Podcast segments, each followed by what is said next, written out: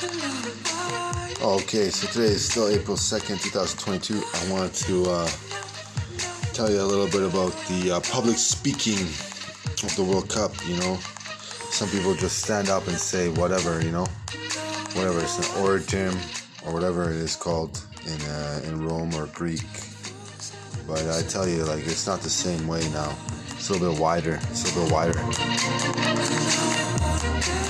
You, you hear that? It's a little wider.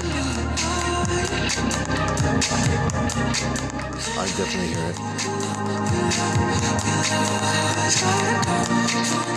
What I want to tell you is uh, it's very important that we get another stadium on board, or at least two or three in this country, because uh, it will only increase profit.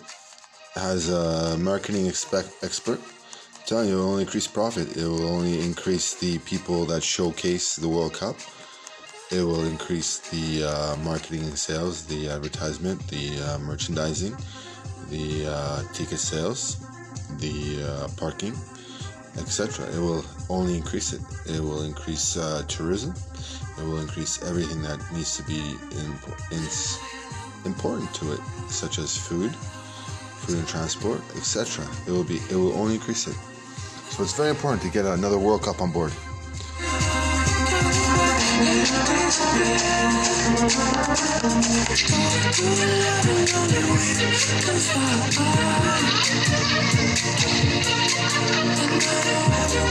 Just don't understand why we haven't done it. Know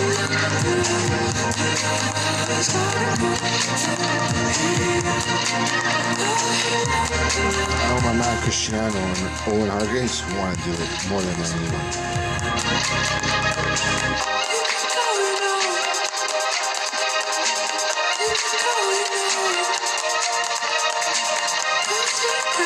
Yes, and even Messi too. Messi wants to join in after the Spanish.